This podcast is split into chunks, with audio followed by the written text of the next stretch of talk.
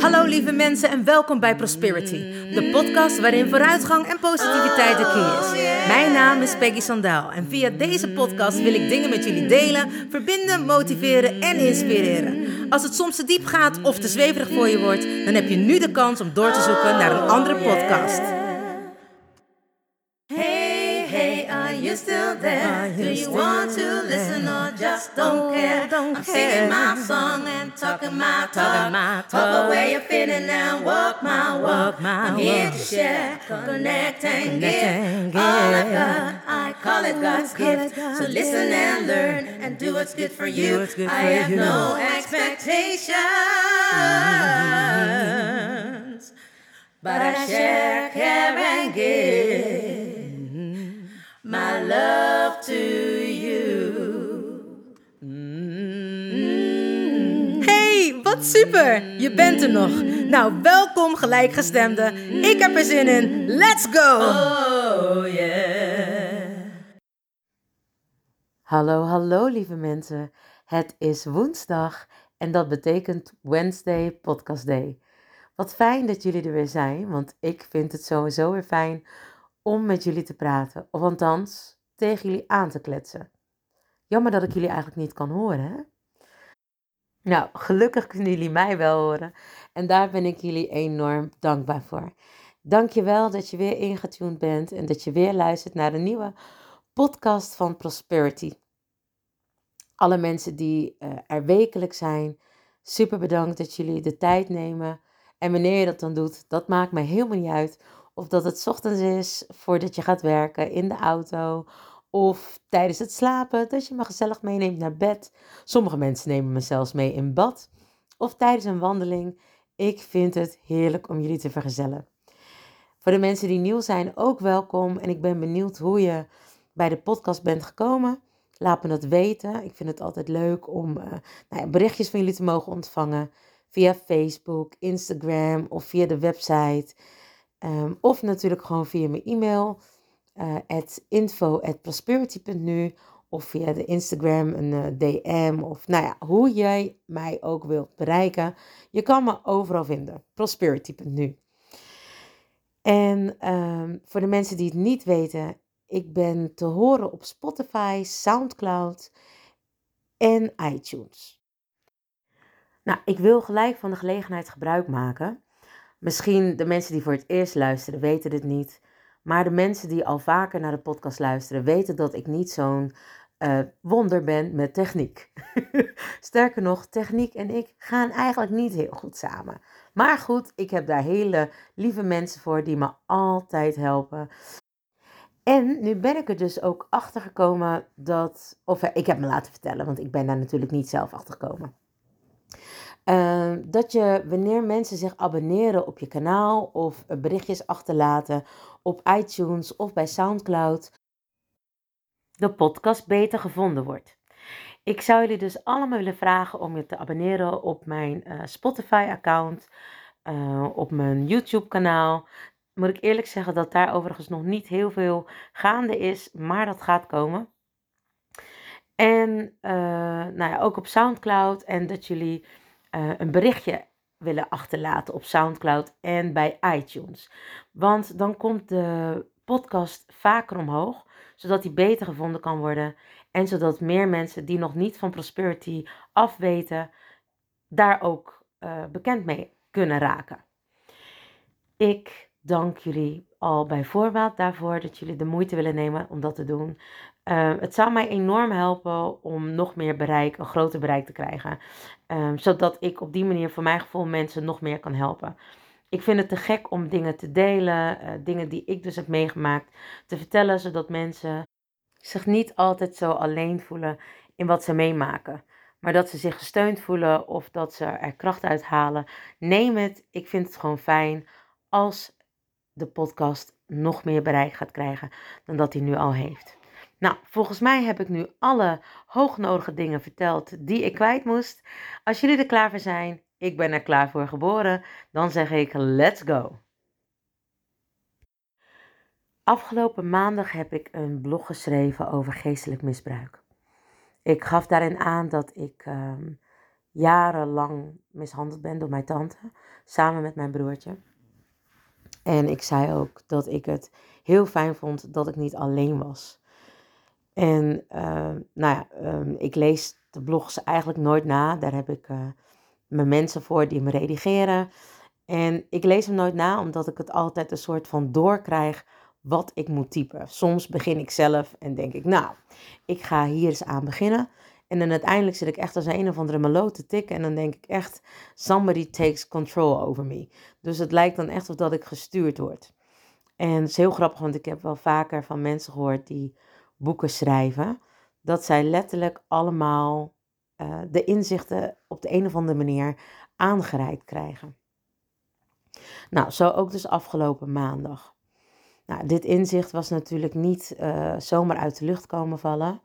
Dat kwam onder andere omdat ik het uh, ja, meemaak in mijn omgeving of het zie bij de mensen en de, in de wereld om mij heen, zeg maar. En het vervelende is dat je daar dan niet veel aan kan doen, omdat het vaak zulke persoonlijke kwesties zijn.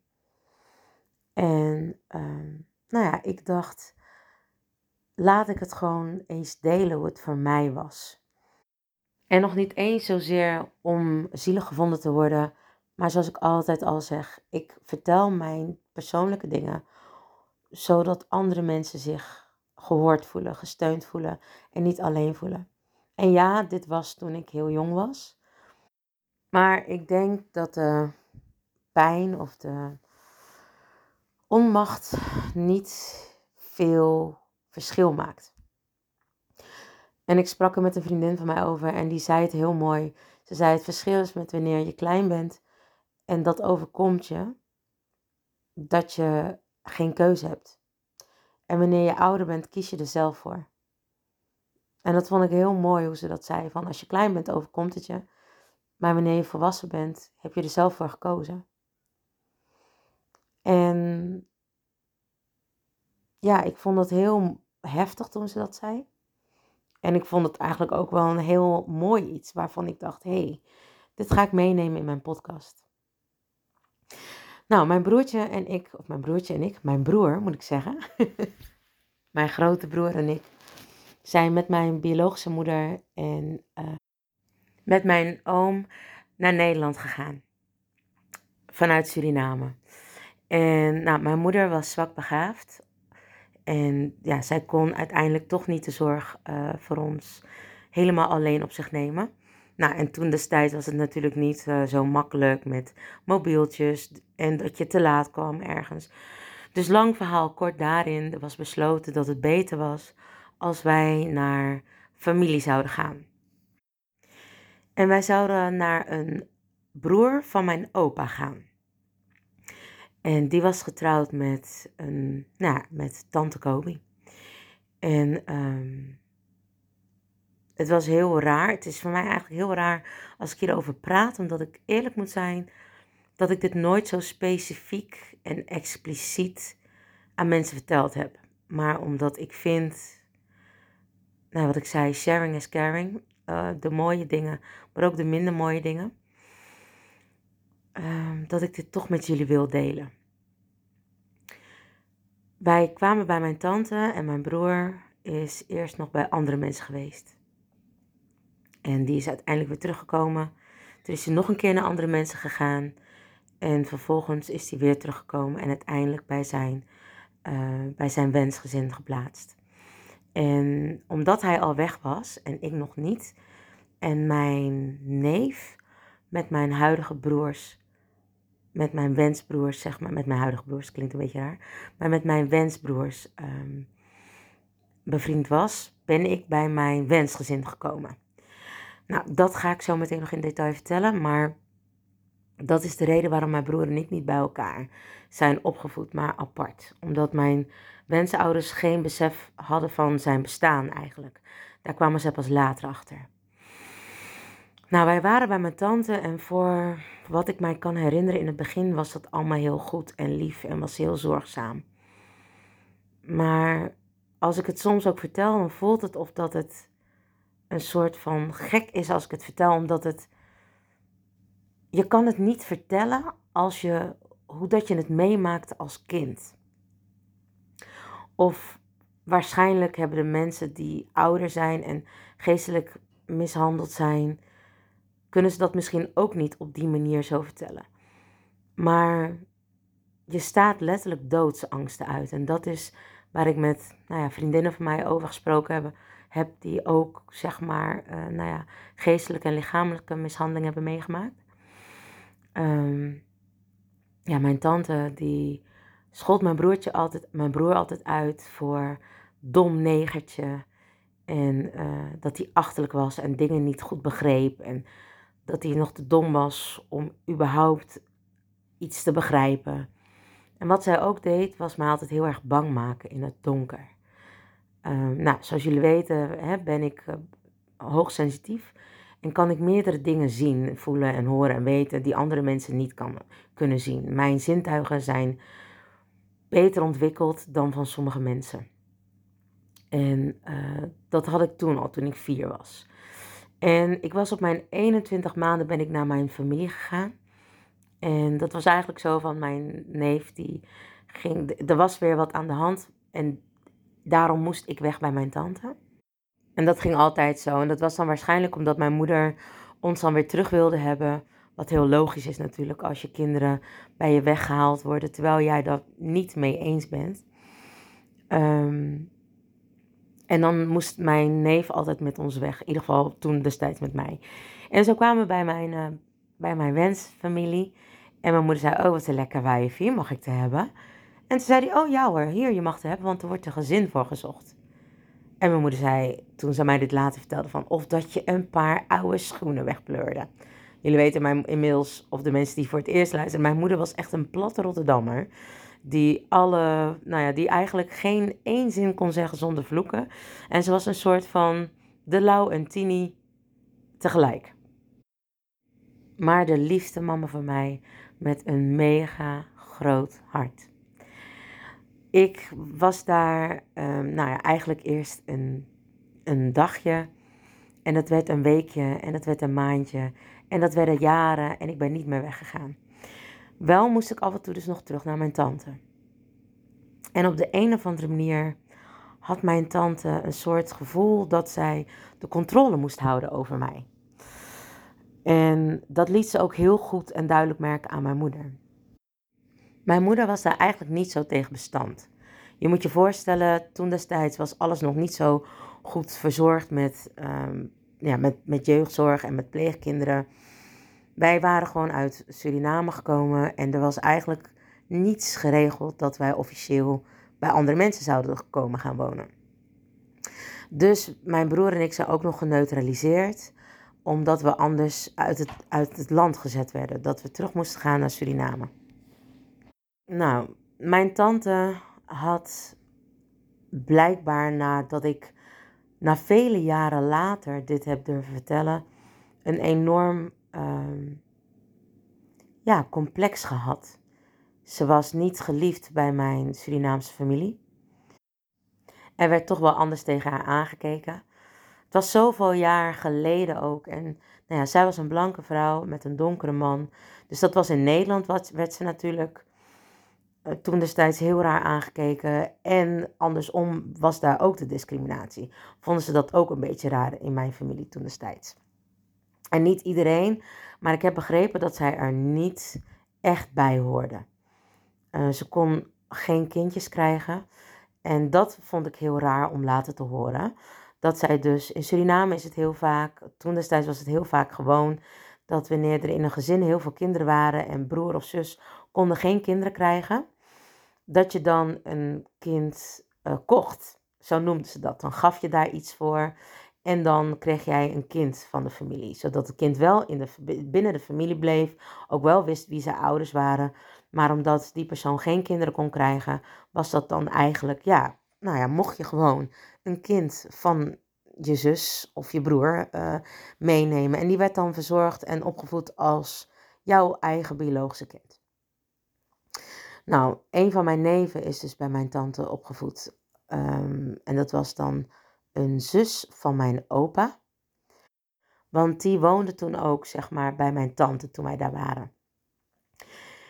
Maar hij heeft nooit wat van het lichamelijke en geestelijke misbruik gemerkt. Wat zij ook deed, mijn tante, en het is heel raar om dit te vertellen allemaal, omdat aan de ene kant hou je heel veel van iemand. En heb ik ook echt wel liefde voor die vrouw gekend.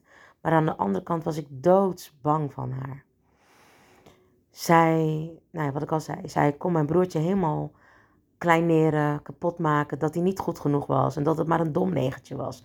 Dat hij nooit iets kon. En tegen mij zei ze altijd dat ik een hele beide handen tante was. En dat ik alles zo goed deed, maar daartegenover was ik altijd heel bang. Dus omdat ik zo sensitief was en dingen kon zien. Dan ging ze me s'nachts, als ik sliep, ging ze me wakker maken. Uh, of heel hard aan geluiden maken. Later kwam ik erachter dat ze dan gewoon heel dronken was. En dat ze dan niet ja, goed uh, wist waar ze liep of wat ze deed. En dan zei ik dat er iemand was en dan ging ze me bang maken. Ze zei, ja, want die komt jou pakken. Die is hier om jou te pakken. Nou, als je klein bent, is dat heel heftig. Dus ik sliep altijd, nou, ik stikte bijna. Want ik lag altijd helemaal met mijn hoofd onder de deken, met, of zonder een heel klein gaatje. En dat zag ze dan en dan ging ze daar met de hand doorheen. En dan ging ze zo, wah! Weet je, zo schrik, aan het schrikken maken, dat ze met de hand er doorheen ging. En ja, ehm, dat klinkt heel kinderachtig, maar het was, ik was echt zo bang. En als ik dit vertel, voel ik gewoon die angst weer in mijn hart opkomen. Wat zij ook deed, was mijn broertje en mij dus natuurlijk tegen elkaar opzetten. Dus dan moest mijn broertje een tas halen van haar. En dan zei ze, oh nee, laat maar, weet je toch niet te vinden. En dan zei ze, ga jij maar halen. En natuurlijk wilde mijn broer ook goed gevonden worden en lief gevonden worden. En nou, toen liepen we samen naar boven en ik rende naar boven en ik pakte die tas gelijk. Ik wist gelijk waar die lag. Maar ik wilde hem aan mijn broer geven. Zo van, hier, neem jij hem maar mee. En ik weet nog, ik was echt heel klein. Ik denk dat ik een jaar of drie was. En ik draaide me om naar hem en ik gaf de tas aan hem. En hij dacht dat ik, ja, ik weet niet wat hij eigenlijk dacht. Maar hij dacht waarschijnlijk dat ik gewoon naar beneden wilde lopen. En ik stond, het was zo'n open trap die ze had, zo'n open houten trap. En ze had tegels, had zij. En van die groene, glazige, rare tegels. Ik vond het altijd op kikkerogen lijken, die tegels. En zij. Uh, en ik draaide me om om die tas aan mijn broer te geven boven aan de trap. En hij pakt de tas en hij duwt mij van de trap af. Hij duwt mij naar achter van de trap af. Nou, ik heb natuurlijk liggen huilen als een speenvarken. En ik weet nog dat ze me recht trok en dat ze me volgens mij half troostte, maar ik moest maar niet huilen. En vervolgens kreeg ik klappen en mijn broer ook. We werden zo hard geslagen en zij stopte pas met slaan wanneer wij lachten. Wanneer ik aan het vechten ging met mensen, want dat zat natuurlijk in mij, dat ik zo agressief was en dat ik me heel snel aangevallen voelde. Want ik wilde me altijd verdedigen en goed zijn en goed genoeg zijn. Dus als iemand maar iets zei, dan sloeg ik er bovenop. En dat kwam natuurlijk ja, doordat er zoveel agressie in mij geslagen was. En ik weet nog wel dat wanneer ik vocht en ik moest huilen, omdat iemand me echt geraakt had, ging ik lachen. Of ik ging altijd lachen voordat ik ging vechten. Nou, dat was een beetje een soort van psycho, want mensen dachten echt, oké, of deze chick is echt gek, of uh, ze heeft een hele grote familie of zo. nou ja, beide was waar natuurlijk. Maar het is natuurlijk heel bizar dat je zo'n afweersysteem hebt opgebouwd, zo'n overlevingssysteem hebt opgebouwd. En inmiddels was ik natuurlijk ook bij mijn wensenouders. En moesten wij gewoon af en toe eens in de zoveel tijd bij haar terug. En dat wilde ik natuurlijk eigenlijk helemaal niet. Want dan, of het was heel leuk. Want wat, het leukste vond ik altijd dat we bij haar whisky mochten inschenken. Ze had een poedel, een koningspoedel, en die heette whisky. En wij leerden whisky maken. Precies de hoeveelheid met ijsklontjes. En dan, nou ja, een, een, een duim zeg maar whisky. En de rest dan of cola of whisky 7-up. Ze dronk eigenlijk altijd whisky 7-up. En later begon ik pas te beseffen dat zij zo vervelend ging doen wanneer zij zoveel gedronken had. Maar ja, als je klein bent, begrijp je natuurlijk helemaal niet wat er gebeurt als mensen drinken. Je schenkt gewoon een leuk drankje in. En ik vond het maar al te leuk om die drankjes in te schenken. Nou, ik kan de drankjes niet meer tellen die ik op een dag moest inschenken. En dan bracht ze ons bijvoorbeeld terug. En dan zei ze, voordat ik naar binnen ging, pakte ze mijn hand heel hard beet. En dan zei ze, waag het is om te laat naar bed te gaan. En ik hou je in de gaten. En ik loop langs en dan zie ik wanneer jij niet op je bed ligt. En wanneer je dan weer hier bent, oh, dan krijg je er zo van langs. Dan krijg je er zo van langs. En het was zo gemeen, het was zo eng. Hoe zij het zei, ik was zo bang. Ik heb nu nog steeds een tik dat ik s'avonds het liefst alle gordijnen en, nou ja, ik wou zeggen luxe flex, maar rolgordijnen dicht wil hebben. En ik woon op de derde en de halve, halve vierde verdieping. Dus er is eigenlijk geen hond die mij kan zien. Ja, aan de achterkant kunnen buren bij mij naar binnen kijken, maar zwaar, dan moeten ze in hun keuken staan. Maar ik ben nu inmiddels 42. En ik was 21 maanden toen ik bij haar wegging. Dus ik was een jaar, anderhalf jaar toen ik bij haar was. Maar zij heeft tot mijn twaalfde jaar, heeft zij dit gedaan met mij. En ik heb het tot mijn, nou ja, denk twaalfde, zelfs ouder, vijftiende, nooit aan mijn ouders durven vertellen. Pas geloof ik een jaar voordat zij overleed, durfde ik, te, durfde ik het te vertellen. Maar er was natuurlijk iets gebeurd waardoor zij niet meer bij ons thuis kwam. Ik denk dat ik een jaar of vier was. En ik was zo bang voor haar. En misschien kennen jullie dat vanuit een film. Dat wanneer kinderen heel erg bang zijn, dat ze in hun broek plassen. En ik herkende dat vanuit films, zeg maar. Dat ik dacht, oh ja, dat heb ik ook ooit een keer gehad. Dan ben je wel echt heel bang. Zij was toen bij ons beneden. En ik was naar bed gegaan. En ik vond het altijd heel eng om te gaan slapen. Want hè, ik zag altijd van alles. Plus dat mijn tante me ook dan nog eens heel erg bang maakte. Dus ik was s'nachts gewoon niet veilig. Ik was altijd bang. En ik was alleen maar veilig of ik kon alleen maar lekker slapen als ik tussen mijn ouders in lag. En later, toen ik ouder werd, vond ik het niet erg als dan, nou hè, dan ging mijn vader wel eens uh, gewoon in mijn bed liggen omdat ik te groot werd. Dacht hij, nou, laat me lekker bij jou slapen. Ik moet er toch vroeg uit. Dus uh, slaap maar lekker bij je moeder. Nou, dat was een feestje natuurlijk. Maar toen ik kleiner was en mijn vader lag niet bij ons in bed, kon ik ook niet slapen. Want dan moest hij er vroeg uit en dan moest hij goed slapen. Maar ik lag natuurlijk altijd met al mijn benen over hun heen en met mijn licht. En ik pakte ze altijd helemaal stevig vast en ik had altijd nachtmerries. Dus ja, dan moest mijn vader natuurlijk vroeg en gevaarlijk werken op, op de scheepvaart. Dus dan moest hij zijn rust hebben. Dus dan lag hij in mijn bed. En um, nou goed, ik was toen toevallig vroeger naar bed gegaan. En zij kwam langs. En ik was wakker geworden. En ik was, wilde naar beneden komen. En ik loop zeg maar bij ons het overloopje op. En ik kom aan de bovenkant van de trap. En ik hoor dat zij er is. En ik zeg, mama, ik kan niet slapen. En ik hoor, wat? GVD.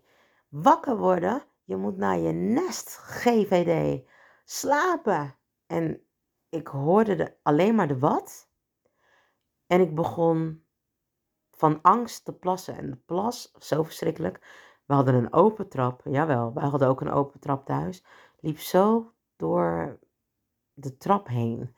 Dus er, dat was echt verschrikkelijk. En mijn oudste broer was erbij. En zij stormt naar boven de trap op. En zij rukt me echt aan mijn pyjamaatje zo over de trap heen. Dus ik voelde echt, ja, als een lappe pop, zeg maar. Werd ik zo over de trap heen gesleurd naar beneden. Ze zette me op de tafel. En ik was helemaal nat van de plas. En ze trekt mijn broek naar beneden. En ze slaat echt, nou ja, keihard op mijn billen. En mijn broer ziet dat. En mijn moeder was eigenlijk helemaal overrompeld dat dit gebeurde. Maar mijn broer die was zo, zo goed. Die handelde en die zei, wat? Mijn zusje slaan? Mijn vader heeft er nog nooit aangeraakt en jij al helemaal niet. En hij pakte erop en hij gooide er zo buiten. En nou ja, ze kwam, hij zei, jij komt hier nooit meer binnen. Wat er ook gebeurt, jij komt hier nooit meer binnen. Nou, tot, ik was toen vier en toen heb ik tot mijn twaalfde ellende gehad. Ik mocht sowieso eigenlijk nooit alleen buiten spelen, omdat altijd een soort van gevaar dreigde dat mijn biologische moeder mij weer wilde ontvoeren en mij weer wilde terugnemen. Dat was wat ik wilde zeggen. Niet weer wilde ontvoeren, maar mijn moeder ons wilde terughalen, mijn broer en mij. En dat begreep ik allemaal niet toen ik heel klein was. Maar hè, als je ouder bent en je begrijpt dat mensen hun kinderen moeten afstaan, terwijl ze dat eigenlijk helemaal niet willen, ze daar alles voor doen om die bij zich te hebben natuurlijk. Dus nu zie ik hoe groot de liefde van mijn moeder was. Toen kon ik dat nog niet zien. Maar goed, ik dwaal af. Mijn tante heeft toen echt gezorgd voor terror. Ze heeft mijn ouders bedreigd. Wij sliepen letterlijk met uh, van die uh, machetta's onder onze kussens. Mijn vader dan althans. Omdat er uh, nou, van alles gedreigd werd om te, om te doen met mijn moeder, met hun. wanneer ze sliepen, ze zouden het huis in brand zetten, ze zouden mij weghalen. Dus er is zoveel onveiligheid geweest toen ik klein was. En mijn ouders hebben dat echt super goed geprobeerd te camoufleren. Dan ging ik naar een tante toe of ik ging naar een feestje. En dat, dat was dan het camouflage net. En dat feestje werd dan ochtends al bij mij erin geprent. En dat vertelde ik dan aan iedereen. Want dat was dan natuurlijk een soort van, uh, hoe noem je dat? Een, een alibi. En, uh, nou ja, en dan zei mijn moeder ook wel eens van hey, zullen we doen wie als eerste boven is? En wie dat heel snel kan doen en op je knieën. Nou, nu weet ik dat mijn tante dan aankwam. En mijn moeder dacht, oh, ze had geen zin in gezeur. Ze had eigenlijk geen zin in die terror. Die vrouw bleef dan aan de deur staan en echt gillen. Gillen voor de deur. Echt een heisa maken. Echt, nou, ze schold mijn moeder uit met alles wat je maar op een doktersbriefje kan vinden, zeg maar. En wat je bij de apotheek kan halen en waar je voor in het ziekenhuis terechtkomt. Nou, daar werd mijn moeder mee uitgescholden. Ik begreep al die woorden toen natuurlijk niet. En mijn moeder deed dan zogenaamd spelletjes met mij boven. Of uh, we gingen zingen, gingen we muziekje opzetten. Of we gingen ineens via de achterdeur door naar een tante en daar ging ik dan spelen. Alleen maar om te zorgen dat ik een zorgeloze jeugd had. Maar al dat gevloek en getier en het kleineren wat ze deed bij mijn broer, het kleineren wat ze ook bij mij deed, achteraf later zien, gezien. En uh, ja, er was een tijd dat wij gewoon niet meer naar haar toe wilden. En dat mijn ouders ook zoiets hadden van, nou, dat hoeft ook niet meer. Ze is een keer komen praten en toen waren de gemoederen wat gesust. En toen zou ik weer naar haar toe mogen. Maar dat mocht ik zelf bepalen. En ik weet nog een keer dat ik aan het spelen was met een vriendinnetje. En zij reed langs en ik was zo bang dat ik snel wegrende. En nou ja, toen had zij dus een hartaanval gekregen.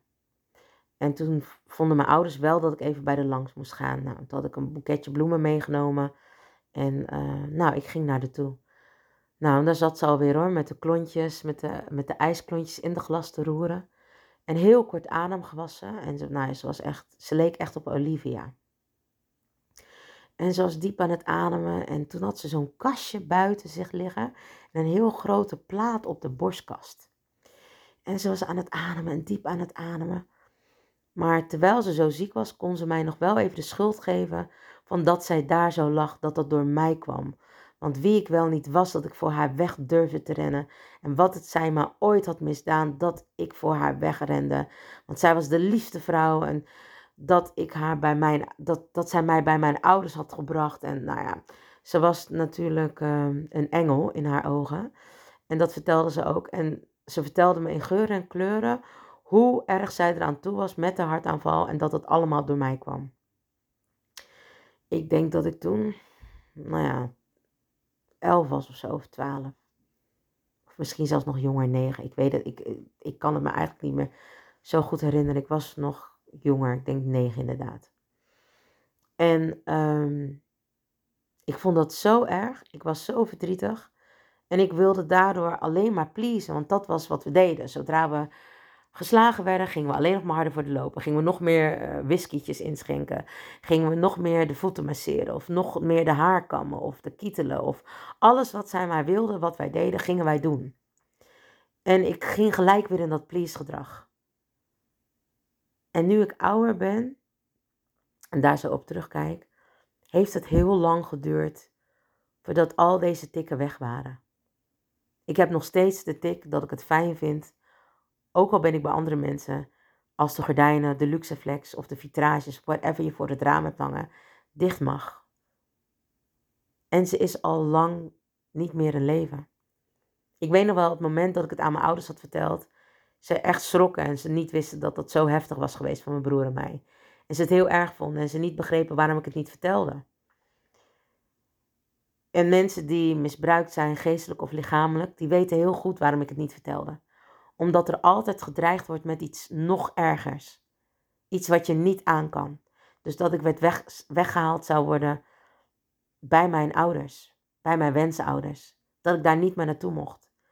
Want als zij wisten dat dit gebeurde, dan kwam dat door hun. Want zij letten dan niet goed op mij. Zij waren dan slechte ouders en dat zou in het rapport komen van jeugdzorg. En deze vrouw heeft zoveel erge dingen gedaan. Ze heeft zelfs mijn moeder beschuldigd van alcoholist toen ze dat helemaal nog niet was. Dat is ze uiteindelijk wel geworden door deze vrouw. Maar uh, dat ze alcoholist was en dat ze aan de drugs was. En ik heb echt van mijn vierde, geloof ik, tot aan mijn zesde bij psychiaters en psychologen gelopen. Omdat ze maar zeker wilden weten dat deze mensen, dus mijn wensenouders, de juiste ouders voor mij waren. Want A, waren ze eigenlijk al te oud. En B, met al dit soort aantijgingen moest er wel een kern van waarheid in zitten. Nou ja, blijkbaar door al mijn uh, goede uitkomsten na vier of vijf psychiaters en psychologen versleten te hebben, uh, mocht ik gelukkig bij mijn ouders blijven. En waren zij dus toch de beste ouders die ik me maar kon wensen. En, uh, maar zover ging deze vrouw om zulke leugens te verspreiden. En nou, ze heeft mijn moeder er behoorlijk klein onder gekregen. En mijn vader was natuurlijk, ja, die was in alle staten. Ik bedoel, die man die sliep niet voor niks met machetas onder zijn bed om zijn gezin te beschermen dat als de mensen naar binnen kwamen. Want ze stonden letterlijk bij ons voor de deur. En niet alleen maar zij, maar echt met een mannetje of, nou ja, vijf, tien. Dus we hebben echt uh, hele bijzondere nachten gehad. Dus ook telefoonterreur. En... Maar goed, again, ik dwaal weer af, omdat ik jullie heel graag wil laten weten hoe het was geweest. En misschien heb ik het niet allemaal in chronologische volgorde verteld. En hoop ik dat jullie het mee hebben gekregen, wat het met je doet. Als er zoiets als kind met je gebeurt, wat voor effect dat heeft op de rest van je leven. Als je daar niet goed in begeleid wordt of als je daar niet zelf mee aan de slag gaat. En um, ja, dus de ticket die ik had, daar was ik gebleven. Sorry. Dus het is nog steeds dat ik dus de gordijnen dicht wil hebben. Of hè, in ieder geval de vitrages of alles wat er voor het raam hangt. Als dat maar gesloten mag worden. Ook heb ik nooit alleen durven slapen. Ik heb er nog steeds last van. Ik heb zelfs een blog geschreven over uh, uh, dat het licht sterker is dan het donker. Maar dat ik altijd bang was in het donker. En dat ik het liefst altijd een nachtlampje aan had. En ik heb nu van mijn schoonzus een hele mooie zoutlamp gekregen. Een, uh, een zoutkristal. En die uh, geeft van het hele mooie, zachte uh, licht. Van het amethyste, een zout, ja, amethystenlicht. Is heel, heel fijn, heel, heel fijn, heel zacht. En als ik bang ben, zet ik die gewoon aan en denk ik, nou ja, er is niks aan de hand. Er is niemand die mij iets aan kan doen. Maar wanneer je zo jong bent en je hebt zoveel spanning in je lijf, en zoveel angst, zie je natuurlijk in het begin alles heel helder. En is dat waarschijnlijk ook waarom mijn zintuigen zo ontwikkeld zijn. Omdat ik altijd alert moest zijn, omdat ik moest overleven. En daar heb ik nu gelukkig mijn profijt van. Dat is nu allemaal omgedraaid. En ja, ik denk dat iedere, hè, mijn moeder zei altijd, ieder gek heeft zijn gebrek. Iedereen heeft wel last van dingen. Maar Wanneer je mishandeld wordt lichamelijk, is dat te zien. En hebben mensen altijd een excuus, want dan zijn ze tegen de trap aangelopen of hè, tegen de kast. Of ja, ze zijn zo onhandig. En dat valt ook op. En ik zeg altijd, wanneer zulke dingen opvallen, probeer toch met die persoon in gesprek te gaan. Probeer met die persoon te praten. En vraag of dat ze erover wil praten. Dat het veilig is bij jou. Dat je het aan niemand vertelt. Maar dat ze in ieder geval de ei kwijt kan. En dat je er misschien kan zeggen dat als het nodig is, dat jij haar safe haven kan zijn. Of van hem. Ik heb zeg nu haar omdat ik mezelf net als voorbeeld had gegeven. Maar er zijn ook wel degelijk mannen die op oudere leeftijd mishandeld worden door hun partner. Zowel hun mannelijke als hun vrouwelijke partner. En ook, hè, wat ik zei, mijn broer is ook mishandeld toen we klein waren. Dus bij kinderen zijn het gewoon kinderen en is er vaak geen onderscheid. Maar heel vaak gaan we er, wanneer we volwassen zijn, vanuit dat het vaak vrouwen zijn die mishandeld worden. Maar er is ook wel degelijk een grote groep met mannen die mishandeld wordt. En dat is nog moeilijker om daarvoor uit te komen. Omdat dat blijkbaar helemaal een animalie is. Dat dat niet als doorsnee of gewoon gezien wordt. Ik vind het bijna bijzonder dat ik dat zeg, dat het als gewoon gezien wordt dat vrouwen mishandeld worden en mannen niet. Maar ik hoop dat jullie dit begrijpen als ik het zo zeg. En het vervelende is wanneer je geestelijk wordt mishandeld, dat daar geen littekens van te zien zijn aan de buitenkant. Maar oh, wat zijn die littekens groot aan de binnenkant. En wat gaat dat lang door bij mensen. En hetzelfde daarmee. Wanneer je dat wel ziet of merkt omdat je het zelf hebt meegemaakt of omdat je daar gespecialiseerd in bent of dat je zintuigen aanstaan, praat met die mensen. Zorg dat ze weten dat het niet aan hun ligt. Vertel ze dat er altijd een uitweg is. En zoals mijn vriendin zei, dat ze er niet voor hoeven te kiezen. En wat ik altijd iedereen leer, hè, hoe klein ik ook was, toen zat ik natuurlijk in een slachtofferrol. Had ik dat niet anders kunnen doen. Want hè, wanneer iemand groter is, is, is het gelijkheidsniveau niet eerlijk. Dus was ik sowieso slachtoffer van iemand die dominanter en volwassener en groter was dan dat ik was. Maar wanneer je ouder bent, of wanneer ik nu ouder ben, heb ik ook daar de totale verantwoordelijkheid voor genomen. Ik heb voor een pad gekozen in het licht. Ik wilde lessen leren. En hoe hard deze lessen ook zijn geweest, ik heb ze gemeesterd. Ik durf nu vaker alleen in het donker te slapen. Soms vind ik het ook heerlijk. Helemaal niet waar. Maar vind ik het wel lekker om even alleen te zijn. Maar slapen doe ik toch het liefst met mijn man. of um, bij een vriendin. Maar alleen slapen, dan slaap ik de eerste dag echt altijd heel erg slecht. En de tweede dag ben ik zo moe dat ik denk, nou ja, als er iets, komt, als er iets me komt pakken, inbreken, ga je gang, ik slaap. En um, dus dat zeg maar is bijvoorbeeld wat ik er nog aan over heb gehouden. Ik heb heel veel aan mezelf gewerkt. Vanaf 2016 ben ik met een innerlijke, innerlijke reis begonnen. En uh, nou ja, ik ben afgelopen week ben ik met een nieuwe opleiding begonnen. En elke keer als je een opleiding tot iets volgt, is het eerste effect natuurlijk ervan dat je ook overal zelf doorheen moet gaan. Dus alles wat je aan een ander aanleert, leer je eerst zelf en doorga je eerst zelf. En daarmee wordt er heel veel geheeld. Wordt er ook heel veel gezien. Hè? Als je, ik zeg altijd, iedereen die aan zichzelf werkt of iedereen die naar een coach gaat, heeft altijd heel veel weerstand in het begin. En het stomme is dat ik dat niet heb. Ik ga er echt in als. Ik slik het bijna zeg maar als zoete koek.